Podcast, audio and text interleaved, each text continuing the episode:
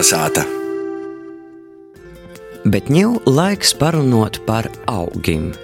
Žurnāliste Maruta Latkovska mūsim savā rubrikā Zemes soļs ir sagatavojusi lielu apskatu par dažādu augu nosaukumiem latgaļiski.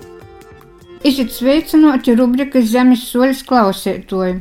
Kad es kādus šaitiņus pīstojam te mūsu pošūs joņus, vai ap joņiem saugriežu svētkos, ejam pa kādu ceļu vai stidzeņu meža tilmā, to smulā īraugam bogotīgi zīdim joņu puči vai birstalu nārbuli, kura latgaliskais nosaukums ir kodēla vai kodēls.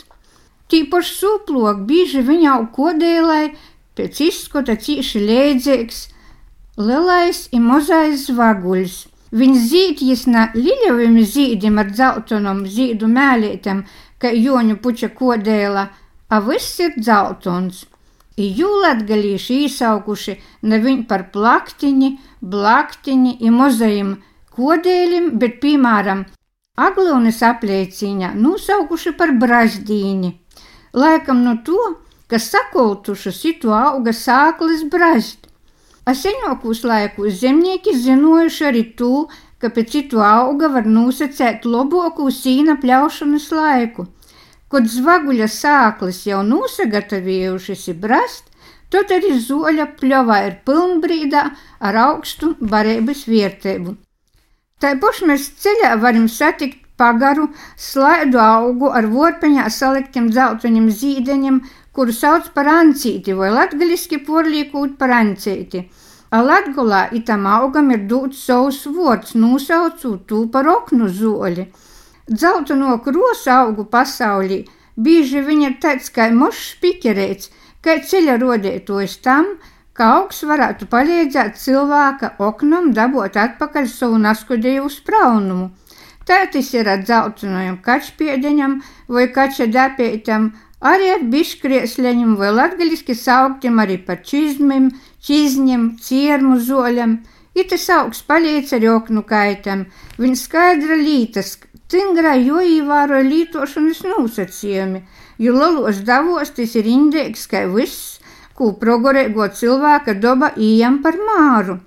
Vēl par kādiem zīmīgiem latgaļiskajiem nosaukumiem, kuri naporprūtami līdzinoja par augu orsnīcisko pīlītojumu, Par piemēru Rosus kriesleņu latgaļiskajos nosaukumos mēs satiekam ne viņu tādos vordeņos kā Rosis pūdeņš, rasiņēta, moris bruncieši, bet arī sirdszoļētis.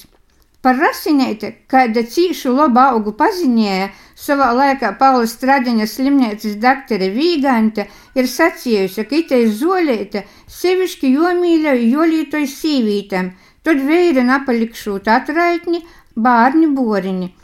Vēl par sirdszoļieti mēs saucam arī purvā tāleni, bolta puķeite ar sirsniņu veidīgam zīdlapeņam. Arī ziemžaļās kosas vārds latgaliskajos nosaukumus ir ar visai precizu tūs pīlītojuma nūrodi, saucās eikšu vai nīru čais. Savukārt dziedniecības lakacis nas neviņ mada zoļas vārdu, bet tiek saukts arī par plaušu vai pļaušku zoļi.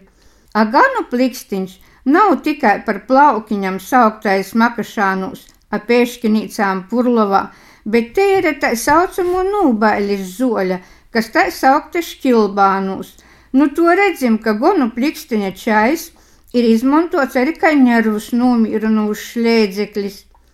Kad mēs runājam par nosaukumu porsaklošanu izlēdzības pamatā, tad te varam nosaukt arī tādu augu kā parastā vīrcele – kura latgulā tiek saukt arī par liņiņu, liņēšiem, moras liņaņiem.